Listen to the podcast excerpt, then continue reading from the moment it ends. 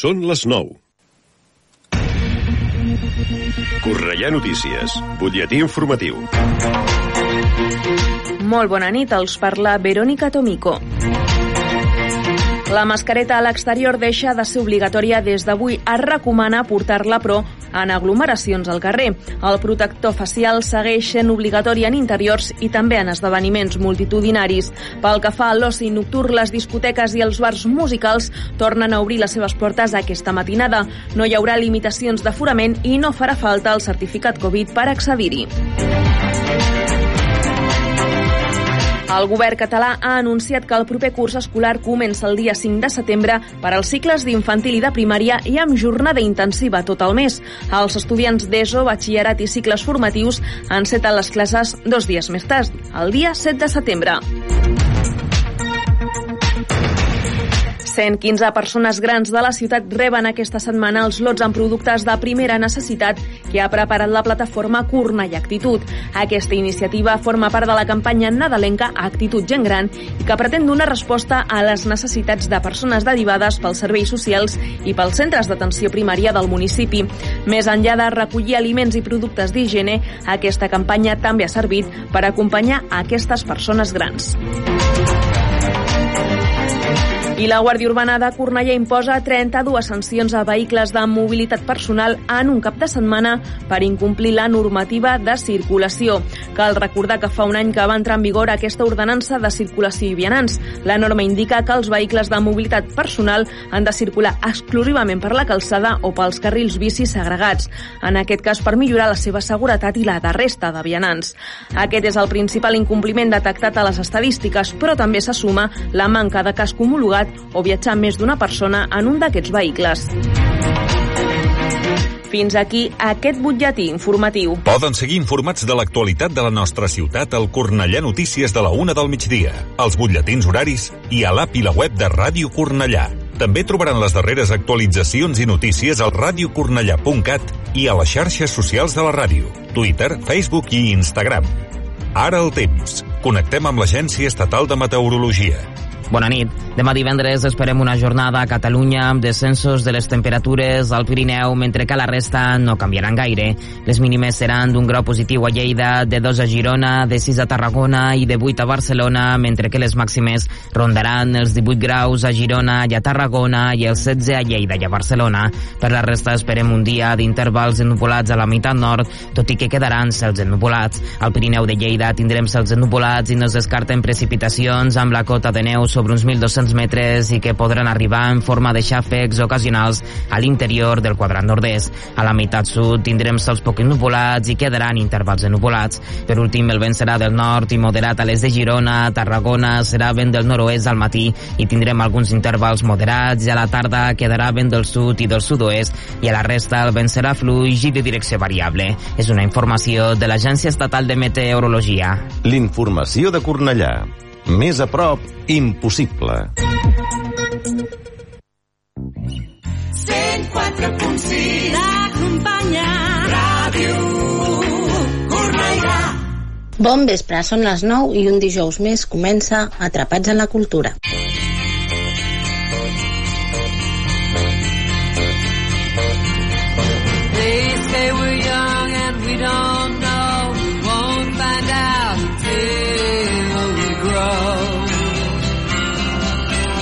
Per en Bill Murray, tots els dies era la mateixa cançoneta. Estava atrapat en el temps. Per nosaltres, tots els dies també són iguals. En Bill el salvava l'Andy McDowell. I a nosaltres, qui ens salvarà? La cultura, els llibres, el cinema, les sèries, l'art, l'oci, la gastronomia. Feu-nos cas i sentiu-vos atrapats amb la cultura. Amb la Cristina Guarro i el seu equip guess that's so we don't have a plot. But at least I'm sure of all the things we got. Babe I got you, babe. I got you, babe. Benvolguts oients, avui, 10 de febrer, tornem una setmana més fent repàs a l'actualitat cultural del nostre municipi i de la cultura en general. Avui, o advertència, perquè el programa l'estem fent en directe des del Zoom, o sigui que no sé com anirà la cosa, per sort tenim un super tècnic allà al comandament, o sigui que una mica de paciència per si hi ha alguna incidència tècnica o que la connexió a la xarxa no, no ens arriba molt bé, molt bé, molt bé, una mica de paciència us demano, però crec que ens en sortirem. Així doncs, comença el programa.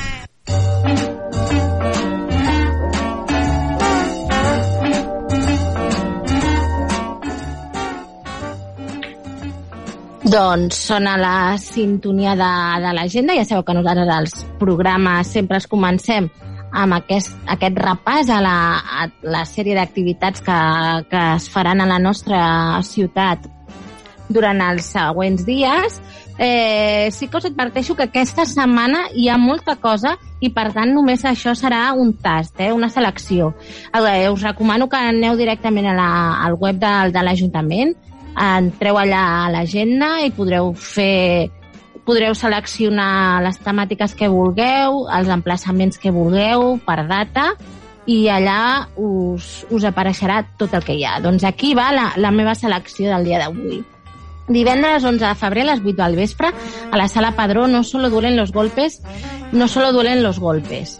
Eh, L'obra de teatre No solo duelen los golpes narra la vivència personal de l'actriu, comunicadora i activista feminista Pamela Palenciano en la seva primera re relació. Una relació que es va tornar violenta amb el pas de, dels sis anys que va durar. Aquest monòleg autobiogràfic ens connecta amb la història universal de les violències masclistes i la construcció d'estereotips que generen la desigualtat que permet exercir la violència sobre una altra persona a tots els nivells. Partint de si mateixa, de la seva pròpia experiència a través d'un humor àcid, ironia, eh, del drama interactuant amb el públic, Pamela aconsegueix tocar la vida personal eh, i generar consciència i preguntes. I que sapigueu que la Pamela Palenciano és l'entrevista del nostre programa d'avui, o sigui que d'aquí a una estona en parlarem i en sabrem més coses de la seva eh, història.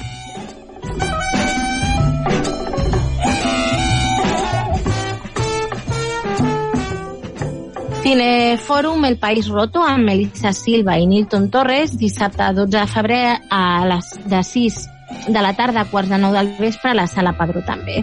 Project, projecció del País Roto, documental que narra la crisi veneçolana a través de la veu dels seus veritables protagonistes. Cinc històries entrellaçades que reflecteixen com els ciutadans passegen entre les restes d'un govern desgastat. L'1 d'abril del 2017, Venezuela es va despertar sense diputats i amb un govern que cada cop té més poder, un cop d'estat institucional denunciat per una part de la comunitat internacional, però que per d'altres és la millor sortida. Des de llavors, els carrers de Venezuela s'han convertit en veritables escenaris de repressió i violència. De l'1 d'abril al 24 de maig es van reportar 80 persones assassinades, 2.815 arrestos, 1.240 eh, d'aquests continuen detinguts, eh, 341 davant de tribunals militars, 178 privats de llibertat i durant aquests dies va haver-hi una mitjana diària d'uns 400 ferits. I d'altra banda, doncs, els mitjans internacionals no poden entrar en total llibertat eh, al país. El País Roto pretén trencar aquesta barrera i mostrar aquesta realitat que diàriament pateix el poble veneçolà. I ho farem a través de ciutadans de tots dos bàndols, bàndols perdó, tant famílies trencades per la mort o, o la manca de menjar, com aquelles que confien en el seu govern i se senten en pau, així com detinguts, militars i el govern. Escoltarem totes les veus d'una de les crisis internacionals actuals més importants i d'un dels capítols més violents de la història contemporània de Venezuela. En finalitzar la pel·lícula, la directora Melissa Silva i l'investigador i documentalista Nilton Torres ens explicaran les seves vivències durant la preparació, filmació i postproducció de, del film.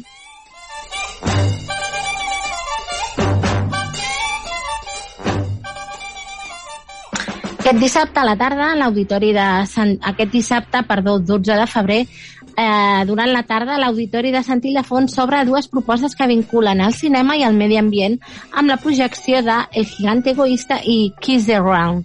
Totes dues formen part del catàleg de propostes incloses a la programació de la mostra Sant Sancine, 28è Festival Internacional de Cinema del Medi Ambient. És el més antic del seu gènere a tot el món. El certamen presenta produccions cinematogràfiques, documentals, ficcions i animacions llargues i curtes que parlen de diverses situacions ambientals que afecten el nostre planeta i que lentament estan malmetent la vida i l'ecosistema. Es tracta d'un festival multiseu i la seva programació es va, es va difondre inicialment a partir del mes de novembre passat i amb aquestes dues pel·lícules mencionades i moltes altres produccions. Eh, les projeccions a Cornellà estan organitzades per l'Ajuntament i per A3E, que és l'Associació d'Empreses per a l'Eficiència Energètica, amb la col·laboració de la Diputació de Barcelona. Es tracta d'una activitat gratuïta, però és necessària la inscripció prèvia a través d'aquesta web ajuntament.cornellà.cat barra inscripcions.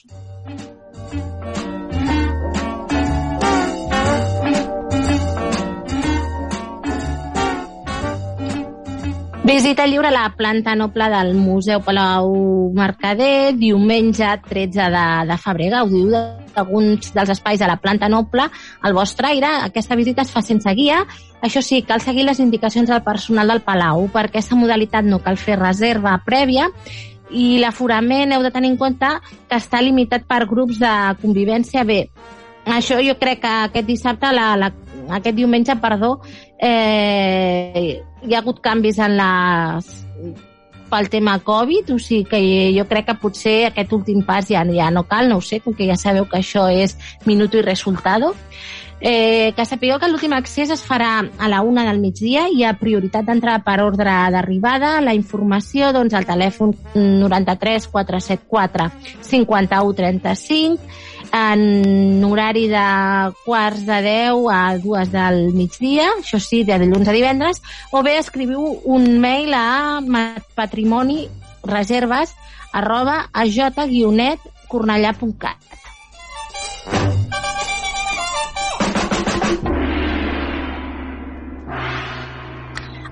El, el Museu Palau Mercader cull aquests dies una interessant exposició sobre la visió que la societat té de la masculinitat, l'home nu, tot despullant els arquetips de la masculinitat.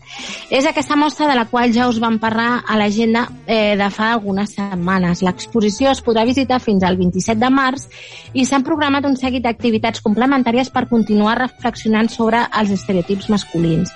Una d'aquestes activitats és Arts en Viu i de Construcció de Gènere, que es farà aquest diumenge 13 de febrer a les 12 al migdia en el mateix espai de l'exposició. Això és el Museu Palau Mercader a càrrec de la poeta cornellanenca Paula Piedat i del poeta Gen Aguirre i de la pintora local Montserrat Sunyer s'hi reflexionarà de com la pintura, la poesia i l'escultura construeixen el concepte de la masculinitat i la resta d'estereotips relacionats amb el, amb el gènere. Aquesta activitat requereix inscripció prèvia a través del correu electrònic patrimonireserves arroba aj-cornellà.cat. I una altra de les activitats complementàries a la mostra és repàs del nu masculí al còmic català partint de l'underground fins a arribar als nostres dies a càrrec de l'il·lustrador Sebas Martín. Aquest taller es farà dijous 17 de febrer a la Biblioteca Central de Cornellà en horari de 7 a 8 del vespre, o sigui que això és en horari una hora abans de, del nostre programa. Eh, important, eh, són places limitades, la inscripció prèvia és al telèfon 93 474 51 31 eh, de dilluns a divendres de quarts de 10 del matí a dues del migdia o bé escrivint un mail a patrimonireserves arroba eh, aj-cornellà.cat.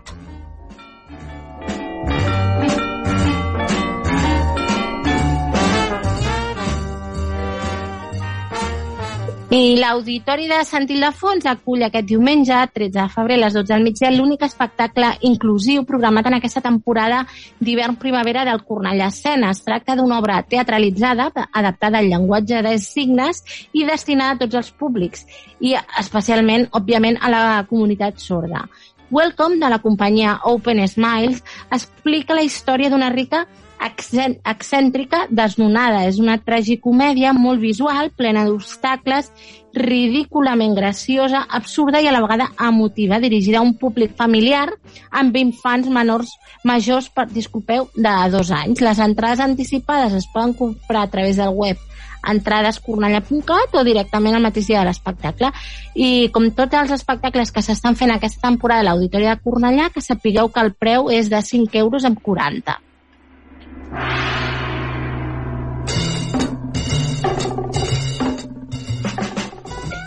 Últims dies per veure l'exposició fotogràfica La Desbandà a la sala Maria, Maria Rosa Casanovas del Centre Cultural Joan García Nieto.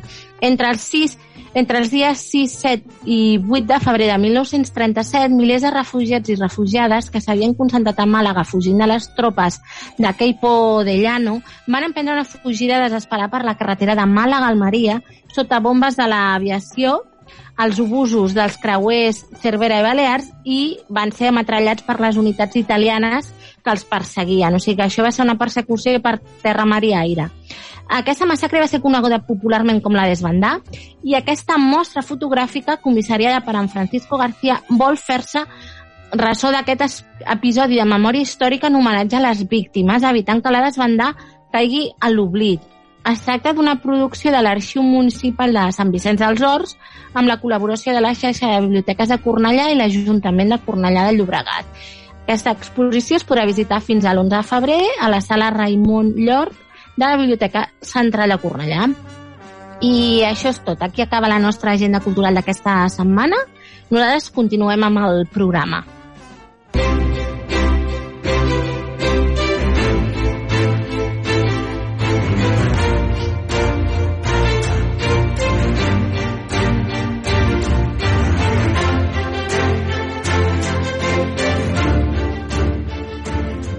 I aquesta és ja la nostra més que reconeixible eh, sintonia de la secció musical del nostre tècnic Marfort. Bona nit. Hola, bona nit. Què tal? Com va això? Doncs molt bé, aquí un, un dijous més a parlar de, de música. I aquesta setmana toca... Doncs mira, aquesta setmana, eh, aprofitant que has parlat de Carnaval i de que farà 100 anys de la mort, parlarem de a Camille Saint-Saëns.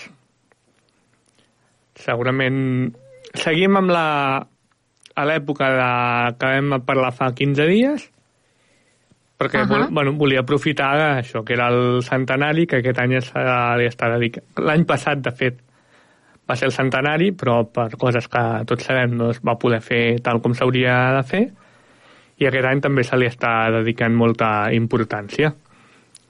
Val. Sí que hi ha, hi ha moltes commemoracions, no?, en el seu nom. Sí, efectivament, això, commemoracions ap- aprofitant que és el, el centenari de, de la mort. A dir que va néixer a París, a París el 9 d'octubre de 1835, fill d'un funcionari del govern, que va morir el, el seu pare tres mesos més tard que ell naixés. La mare, Clement... Ostres. Sí, sí, sí, va ser... Bueno, uh, no, se, no se sap la, no, sé, no sé la causa ara mateix. Uh, la mare va demanar ajuda a una tia que va fer-se càrrec de l'infant i li va començar a ensenyar uh, piano des de, des de ben aviat. Va ser força prolífic i força precoç, diguéssim. La seva primera composició és una peça breu per a piano, que data del 22 de març de 1839, que si fem una mica de càlculs va néixer el 9 d'octubre de 1835. Per tant, vol dir que va fer la seva primera peça amb 3 anys i mig.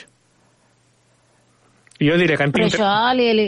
Què? Digues. Però això li hem de donar vericitat? O... Ah, pot ser, hi ha hagut compositors que han fet... A veure, és una peça breu, eh? No, evidentment, uh, no Sí, sí. és una gran sinfonia ni d'això, però... Sí, home, jo li donaria, vaja. Si no, no ho hauria posat. Ah, no ho sé, és que, és que clar, jo penso un dia als 3 anys. Bé, també és cert que ara tampoc seria capaç de fer-ho, però... Sí, no, bueno, jo anava a dir que en tinc 38 i tot i això, pues em costa moltíssim fer una, una peça d'un minut. Però bueno, Bé, A veure, i aquí, No, no, i aquí mira. té talent i aquí es dedica a ser tècnic de Sí, so. no, no, ja això, això és òbviament. Però, però del Mozart, a quina hora... Eh, ui, a quina hora? A quina edat? Em sembla que deien als 5 anys, no? 6 anys? Però clar, Ah, ella va fer alguna sí. composició més més extensa, em sembla. Mm, clar, bueno, pensa que ell, des de, des de que té consciència, ja la seva tia li ensenyava el piano, per tant, ni que fos Sí. una petita melodia així, doncs ja la podria haver fet Sí, i sí. segurament va tenir, va tenir una mica de, de suport. Bé, és que m'ha- sorprès molt la dada, eh? Bueno, sí, a mi el llegir-la també, però bueno, li, li donarem, Sí, li donarem sí, sí. credibilitat. Bueno, esperem. Sí, home, sí. Ah, Continua, continua. Què més? La primera aparició pública la va fer a l'edat de 5 anys quan va acompanyar al piano una sonata per a violí de Beethoven. També eh, molt més endavant es va dedicar a estudiar a fons una partitura de, de Don Giovanni de, de Mozart. Uh, de, bé, tornem a la infància, als 10 anys. Si dèiem que la primera aparició pública va ser acompanyant una, un- una sonata per a violí, uh -huh. als 10 anys va, ser, va fer el seu primer concert, debutant amb el concert per a piano número 15 de Mozart. En si bemol major i també va, hi havia altres obres de Händel, Kalbrenner, Hamel i Bach. Mhm. És a dir, que bueno, seguim amb la, amb la prepositat al fer un, el seu primer concert a, als 10 anys. Als 16 va, ser, va fer la seva primera sinfonia, és a dir, la seva primera ja obra com, no completa, perquè- Complet, bueno, Complexa. més extensa, no? complexa, Potser, diguéssim. Sí. Sí. Uh, què més? Héctor Berlioz, uh, un que va, esdevindria un molt bon amic d'ell, uh, en un moment de la vida va fer un comentari que s'ha fet famós i que el dic perquè em va fer, em va fer gràcia, que es diu que va dir ho sap tot però li falta inexperiència. Oh, Jo no sé si, si em diuen a mi això, prendre-m'ho com un... Uh, alau, ara no em surt en català, oi? elogi, no? Ah, això, com un, com un elogi o enfadar-me. Però bueno, Sí, no ho sé. Jo, jo tampoc, eh? No sé com prendre-m'ho. No sabria. però bueno, diuen... Sembla que s'ho va aprendre bé, perquè ha passat a la història la, la frase. Uh, què més? Les seves improvisacions l'han encetat des de sempre al públic parisenc i li van, van portar grans afalacs d'un gran de l'època, de Liszt, que el 1866 va afirmar que Saint-Saëns era el més gran organista del món. És a Mm. dir, també un altre... Això sí que tinc clar que m'ho diuen a mi i qui m'ho digui era un mentider de nassos. Bé, mira, no ho sé, encara tens anys, eh, per endavant, vull dir... Sí, bueno, no, a veure, jo estic amb el piano així, acord i quatre... Això, prou feina tinc a coordinar les dues mans amb el piano, ja, no, de moment, de moment no. Però bueno, no sé, a veure, d'aquí a Eh. uns anys, qui sap. Sí, sí. Uh, què més? Li van dir, el Liszt li va dir que era el més gran organista perquè era el que feia per guanyar-se la vida. Bàsicament va treballar com a organista en diverses esglésies de París. Durant, Ahà. durant quatre anys, el 1861 al 1865, es va dedicar a l'ensenyament, a cobrint la càtedra de piano a l'escola de Neidermeyer, no sé si ho he dit bé perquè sona això alemany, Neidermeyer, on va... Jo no, no, no et puc ajudar. Vaja. Uh, allà uh, va infringir, diguéssim, si podem dir, les consolidades tradicions de- d'ensenyament de, piano uh, Ahà. que en aquella època només tocaven Bach i Mozart, doncs ell es va atrevir a afegir-hi Liszt, Gounod, Schumann, Berlioz o Wagner. Bé, diguem-ne que va actualitzar una mica el repertori, no? Sí, li va posar... Bueno, però en aquella època eren molt clàssics, mai millor dit, Sí. I ell sí, es va atre- atrevir a, a posar compositors una miqueta més de l'època.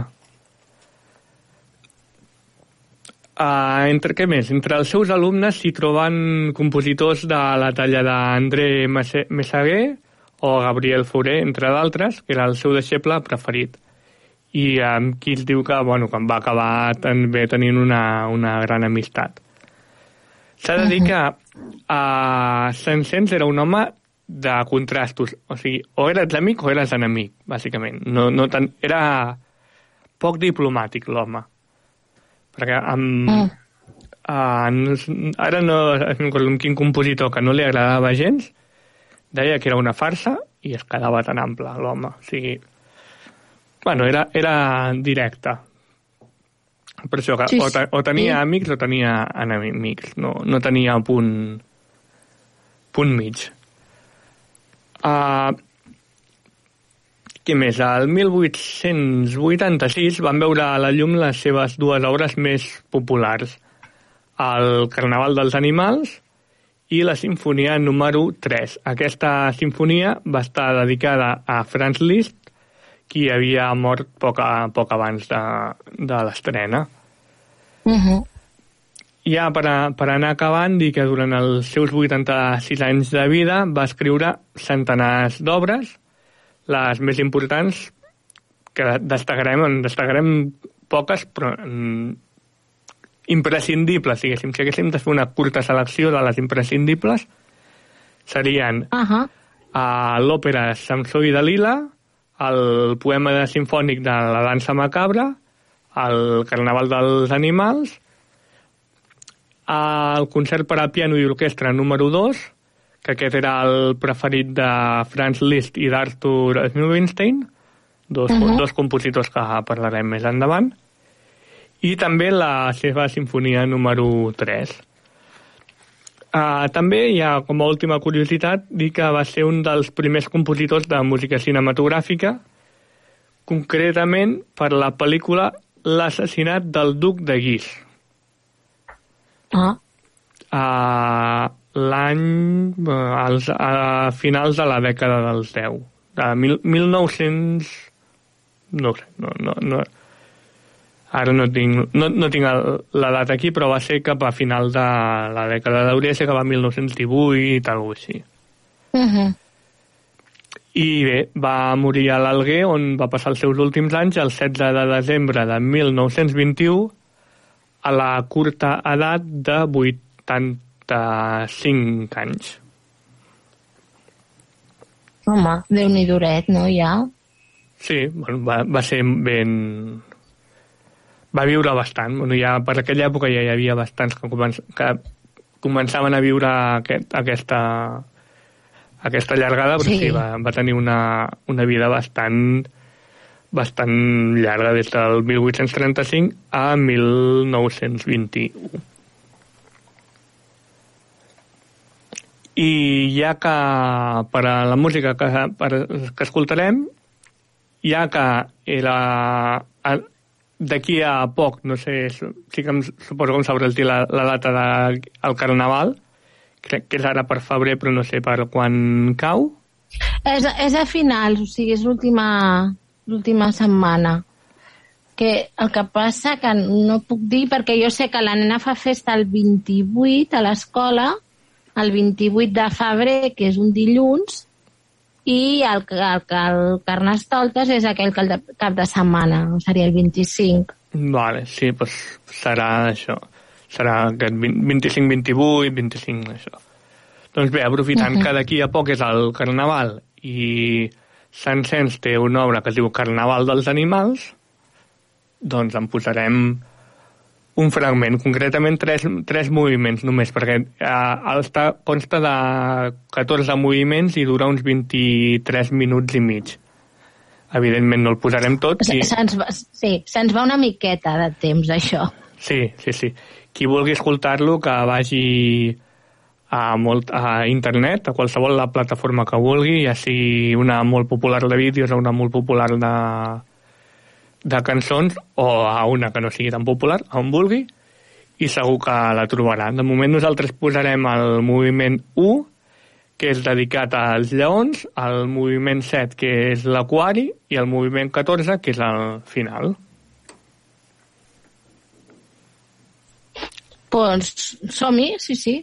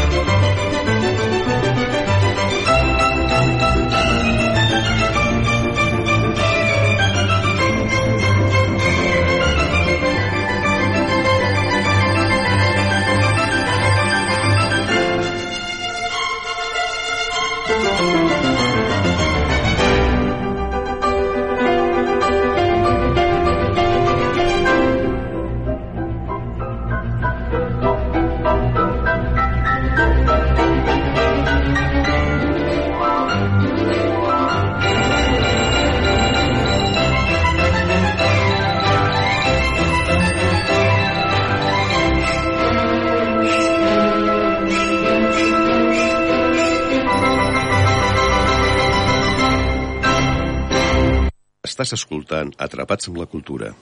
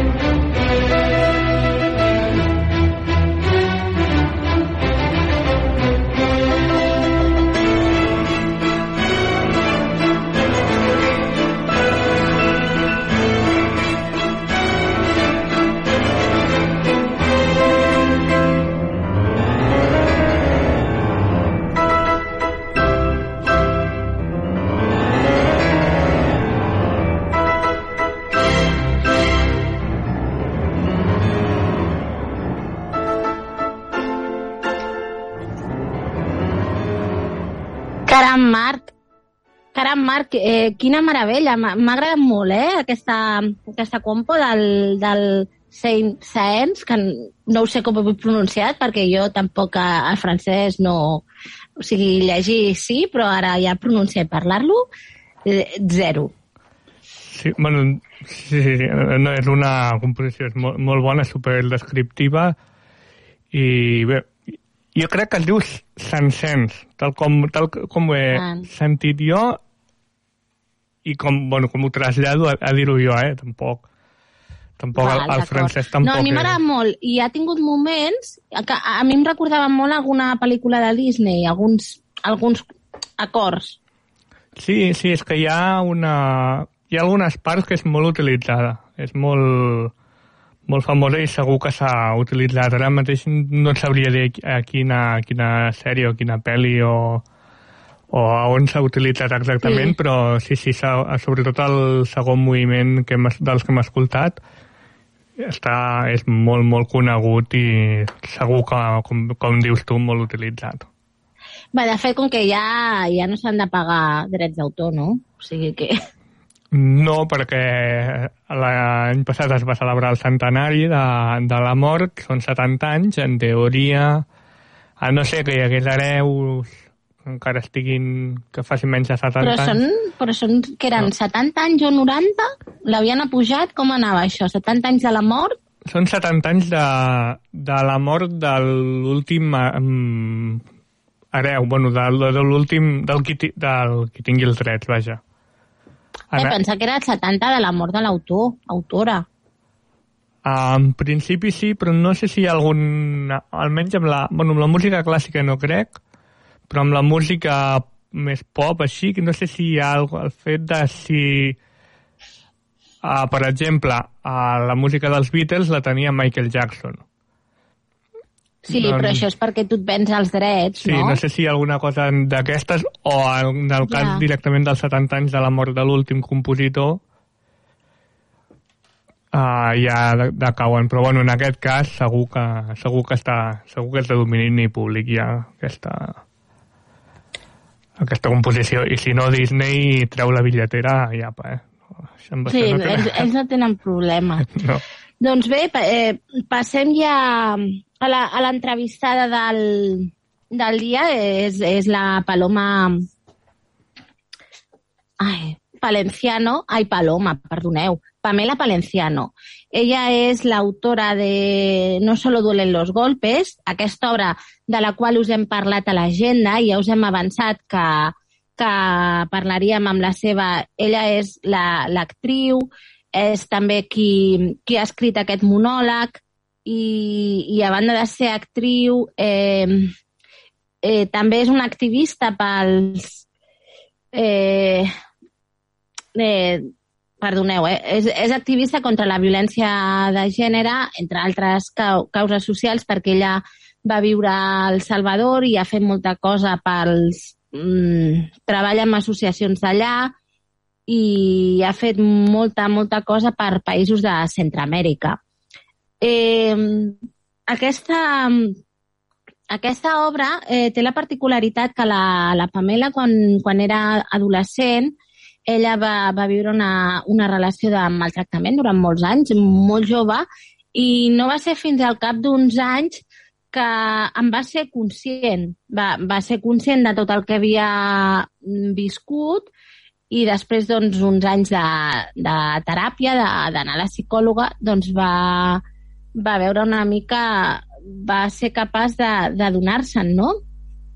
I ella el que va començar, perquè aquest és un monòleg que interpreta des de fa 15 anys, ara en parlarem més, més abastament, sembla que tenim, Marc, eh, m'indiques, tenim problemes per, per connectar-nos?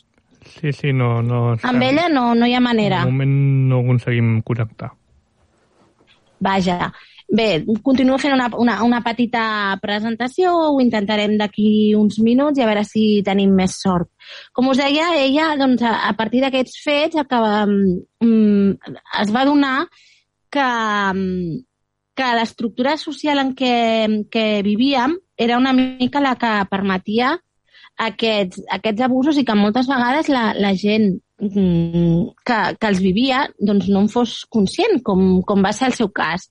I a partir d'aquí va, va començar a fer tallers, a, sobretot als instituts i altres centres, i a, a partir del seu cas no? particular. I això és una de les coses més diguem-ne, més extraordinàries de la seva experiència, i és que a partir de la seva, del seu fet personal, ella ha estat capaç de, de transcendir una mica i fer que explicar com funcionen eh, aquestes violències en plural, perquè, doncs, com molt bé eh, diu el títol de l'obra, no solo duelen los golpes, que és la paraula que li va dir la seva mm, psicòloga, doncs hi ha moltes altres coses i, de fet, el, els cops i l'assassinat eh, acostumen a ser, diguem-ne, que és, el, és la punta de l'iceberg. O sigui, per arribar allà dalt, abans de tot hi ha hagut una sèrie de, de passos i de situacions que, doncs, que molta gent és incapaç d'identificar i que és, que és important doncs, que, que, que treballem totes aquestes coses i que siguem capaços de, de viure en igualtat però també per arribar a això eh, crec que les persones hem de ser conscients eh, la, el Palenciano parla molt de la situació de, de privilegi. Jo crec que, que hem de ser-ne conscients. Eh, els homes tenen uns, uns privilegis que, que històricament, socialment, per, per sort s'està avançant, doncs que les dones no havien tingut. Aquí, en aquest país, fins fa quatre dies, les dones que volien obrir un compte corrent necessitaven l'autorització la, del marit, si no, no tururut. Afortunadament, això canvia, però encara hi ha, hi ha molta feina a fer i, i òbviament, doncs, hi ha molts homes que, que s'hi resisteixen i que no volen perdre els seus privilegis. I després, parlant de, de privilegis, clar, jo sóc una persona europea, o sigui, tinc una situació privilegiada respecte a persones d'altres llocs i ara doncs, aquí a Catalunya, que tenim molta població immigrada, doncs, doncs bé, jo tinc una situació de privilegi respecte a ells i també eh, és important ser-ne ser conscient que no tots partim de zero i que moltes vegades vivim en una societat doncs, molt violenta i que eh, exercir l'abús de, de poder o sigui, és una forma de violència, encara que no sigui una violència física. I tots aquests temes és una mica el que fa la Paloma, la Pamela, quina mania em dir-li Paloma, per favor, Pamela Palenciano, és el que va fent durant aquesta més d'hora i mitja llarga de monòleg, que, que ha anat, com ja us he dit, fa mm, com ben bé 15 anys que, que va començar. Eh, òbviament és un monòleg que ha anat evolucionant i al qual ha anat afegint eh, material.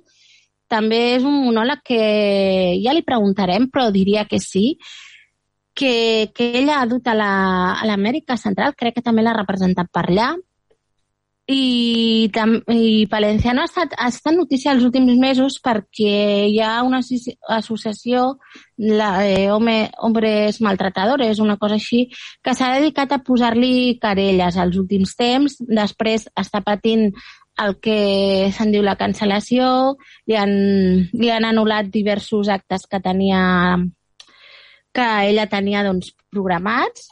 Nosaltres, per sort, demà divendres a partir de les 8 del vespre a la Sala Padró eh, podreu gaudir d'aquest espectacle. Si no hi podeu anar, potser no hauria de dir, però que sapigueu que el monòleg es pot trobar fàcilment per, per YouTube. Vull dir, mm, que amb això al final es tracta de, de visionar-lo i que, que a partir doncs, d'aquesta temàtica hi reflexionem tots plegats. Sembla ser, eh, el nostre tècnic ha tornat a intentar eh, telefonar-la i bé, mm, o sigui, no hi ha manera, nosaltres mm, podem continuar allargant una miqueta el programa, intentarem per, per última vegada d'aquí una estona i el que sí, mira, aprofitant que estem parlant de, de violència, sí que us vull recomanar una lectura. És un petit plaer, és aquesta col·lecció de Viena Edicions, de la qual us hem parlat, jo crec que ja des que va sortir el, pli, el primer exemplar, de, que són, parteixen de la, de la idea de d'això petit, perquè són relats breus.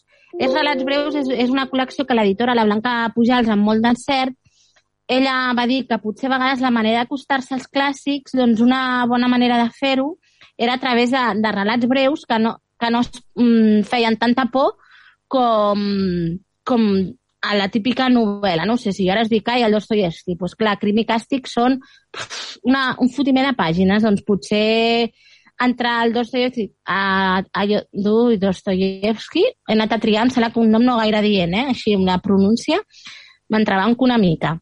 Doncs això, en, en eh, començar llegint Dostoyevsky per, un, per algun dels seus relats breus, doncs potser eh, és una bona idea i a, a vegades, no ho sé, jo com a lectora sí que m'ha passat que, que vaig a parar a l'obra d'algun autor, l'autor m'interessa i acabo llegint altres, altres novel·les o, o altres altra obra publicada, vull dir que és, és una bona manera d'entrar-hi. I jo, en aquest cas, la que us vull recomanar és una que va sortir la tardor passada, bueno, sí, aquesta tardor, i és aquest Musclos per sopar de l'autora alemanya Birgit van der Becke, que jo no coneixia i és una autora força contemporània i que malauradament eh, va traspassar el, el, aquest mes de, de desembre al Nadal i aquesta obra que explica és justament una, i està molt ben narrat perquè parla d'una situació de violència dins d'una un, família en què la mare es dedica a preparar musclos per sopar i el seu fill i la seva filla que esperen el pare, que ha de tornar d'un viatge de feina i se suposa que el pare eh, ha de venir a casa, ha d'arribar amb bones notícies. I aleshores aquests musclos per sopar és el plat preferit del pare i els altres tres és que tant la mare com el fill i la filla doncs bé, ni fu ni fa. Hi ha, hi ha els altres que el detest, els detesten directament. I el que és més, més encertat d'aquesta novel·la és la descripció que en fa. Vull dir, és una figura paterna que és absent perquè realment és un personatge del qual sabem i coneixem a través de l'opinió de la resta de la família. És un pare que té atemorits realment la, la, el fill, la filla i la dona i que és, és, és increïble com, descrive, com la descripció que em fa d'aquest ambient, aquesta opressió i aquest... Bé, al final acaba de ser una mica terror cap a la figura paterna i, i una mica que ningú s'atreveix a parlar-ne, no? Però aquella nit, mentre esperen l'arribada del pare, doncs sembla que començaran a, a trencar el, els tabús. I, I una mica fins aquí arriba aquest petit plaer. Ja us dic que és, jo, a mi és, és un llibre que m'ha agradat molt i jo l'autora la, alemanya, vull dir, per mi me l'ha descobert perquè jo no la coneixia, així com altres petits plaers sí que, sí que coneixia els autors, però en el cas d'aquesta autora alemanya i això que Petits Plaers en principi addicta a clàssics, però ja us dic que aquesta és una, és una, clas, o sigui, és, és un clàssic contemporani, però és que la resta d'autors que han anat i han, han, hem anat parlant l'última temporada i mitja des de l'inici d'aquesta col·lecció, no sé, hi ha Turgenev, hi ha Chekhov, teniu el Henry James, vull dir que són autors en general de, de primers del 20 o del 19. I aquesta autora alemanya per mi ha estat una, una descoberta, no ho sé, crec que buscaré més obres seva publicada i fa, farem una mica a veure què trobem. Eh, Marc, sisplau, hem tornat a... Ho hem aconseguit o que de totes maneres per temps ja anem una mica... Res. No, no. No hi ha hagut manera, no. Caram, tu, quina, quina, quina pena. Bé, nosaltres, és que a mi ja se m'acaba la conversa avui. Jo tenia això preparat, però tampoc... Què hi farem? Bueno, a vegades passa això. Coses del director que diuen. Sí, sí mira, eh, hem tingut un directe, com, com deia a l'inici, amb Zoom, eh, no hi ha hagut problemes tècnics, hi ha hagut problemes, diguem-ne, externs, no? Sí, de, de, de telèfon, que no, que no t'agafen el telèfon, bàsicament. Uh, vaja, em sap greu, eh, perquè te- tenia moltes ganes de parlar amb, amb, la, amb la Pamela Palenciano, a veure què, què ens explicava, perquè trobo que és, que és un cas interessant i que està fent una, una gran feina, mal, malgrat doncs, els últims temps de les demandes i totes les coaccions que li arriben, amenaces també per xarxes socials i la resta, però jo crec que arriba l'hora de, de fer el comiat. Si et sembla, abans de posar ja el Paulo Conte i, i dir adeu fins a la setmana que ve, com fem cada setmana, no sé, posem alguna cançó i a veure alguna així... No ho sé, et deixo tu que triïs. Eh, espera, eh, després d'ese Ara, atra ara atraco... deixat, o què vols? A veure, dic, no, que després d'aquest atraco estava dient alguna per fer una mica de temps i que no quedés blanc. A Ah, veure, sí, val, val, què et val. Per sembla... cantar, Sí, El silenci radiofònic. sí que no queda, no queda gaire bé. Què et sembla Bruce Springsteen? Va, vinga, va, posem-lo. Som-hi.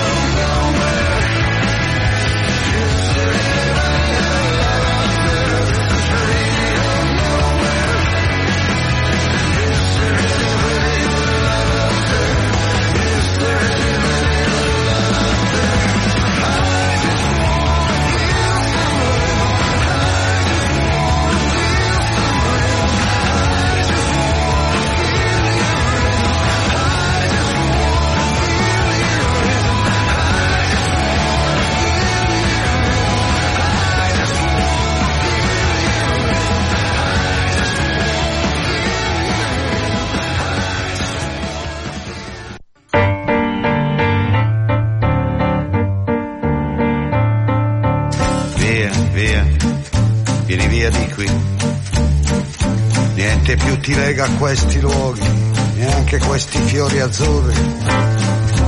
Via, via, neanche questo tempo grigio, pieno di musica e di uomini che ti sono piaciuti. It's wonderful, it's wonderful, it's wonderful. Good luck, my baby, it's wonderful, it's wonderful, it's wonderful. I'd remove you, chips, chips. Da ti do di do, chi boom, chi boom boom. Da ti do di do, chi boom, chi boom boom. Da ti do di do.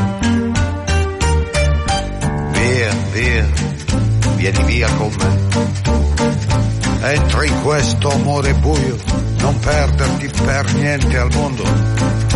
Via, via, non perderti per niente al mondo. Lo spettacolo d'arte varia di uno innamorato di te. E It's wonderful, it's wonderful, it's wonderful. Good luck, my baby, it's wonderful, it's wonderful, it's wonderful. I dream of you, chips, chips, chips. Da di do di do, chi boom, chi boom. Da di do di do, chi boom, boom boom. Da di do di.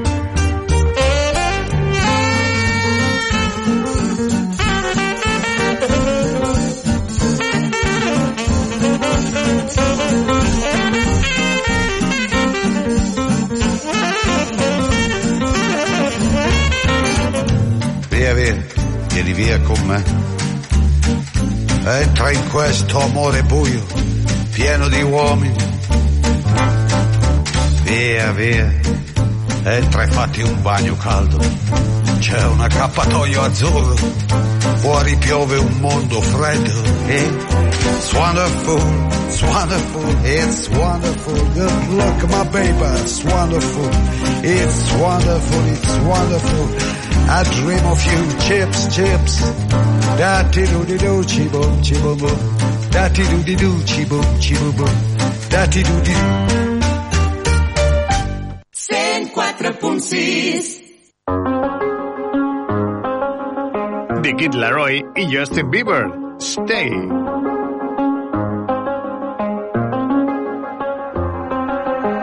Do the same thing I told you that I never would. Told you I changed, even when I knew I never could. Know that I can't find nobody else as good as you. I need you to stay, need you to stay. I get drunk, wake up, I'm wasted still. I realize the time that I wasted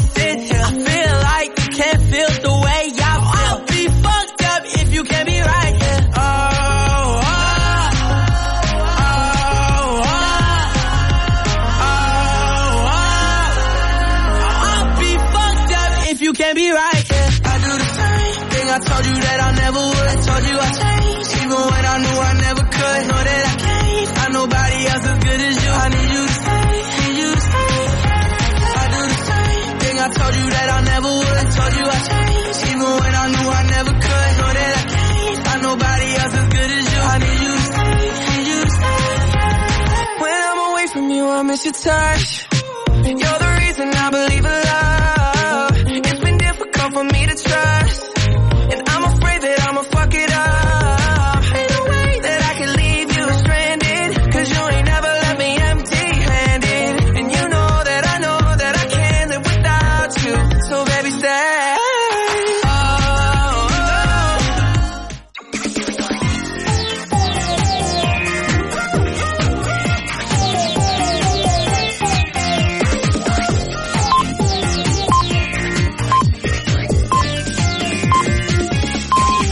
Són les 10. Correia Notícies, butlletí informatiu.